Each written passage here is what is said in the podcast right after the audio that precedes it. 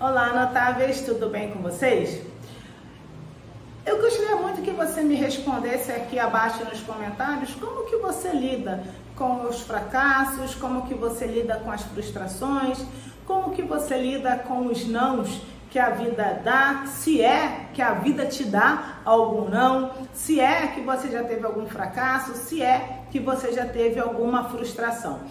É muito importante que a gente compreenda, é, falando de negócios e bem específico agora, que cada fracasso que a gente tem, e a palavra fracasso ela é pesada, eu confesso que é, cada situação que não deu certo, eu prefiro essa, cada situação que não deu certo, ou cada situação que a gente não alcançou o resultado esperado, nada mais é ou nada mais são do que situações que nos geram oportunidade de crescimento.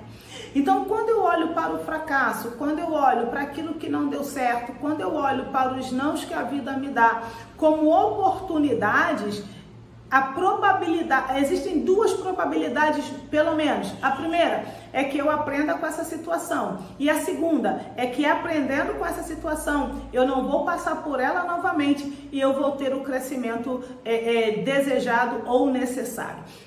E às vezes também nós recebemos um não, nós não, ob, não obtemos os resultados esperados porque aquilo também não era para nós. E sim, aqui eu estou espiritualizando a coisa e não sendo religiosa. Nós precisamos entender que cada um de nós temos um papel neste mundo.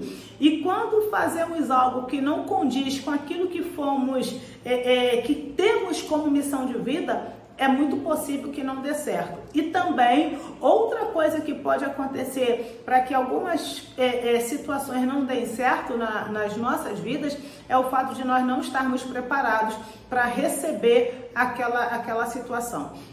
Então, a, a dica de hoje é Olhe para os fracassos, olhe para as frustrações, olhe para os nãos que a vida nos dá como oportunidades.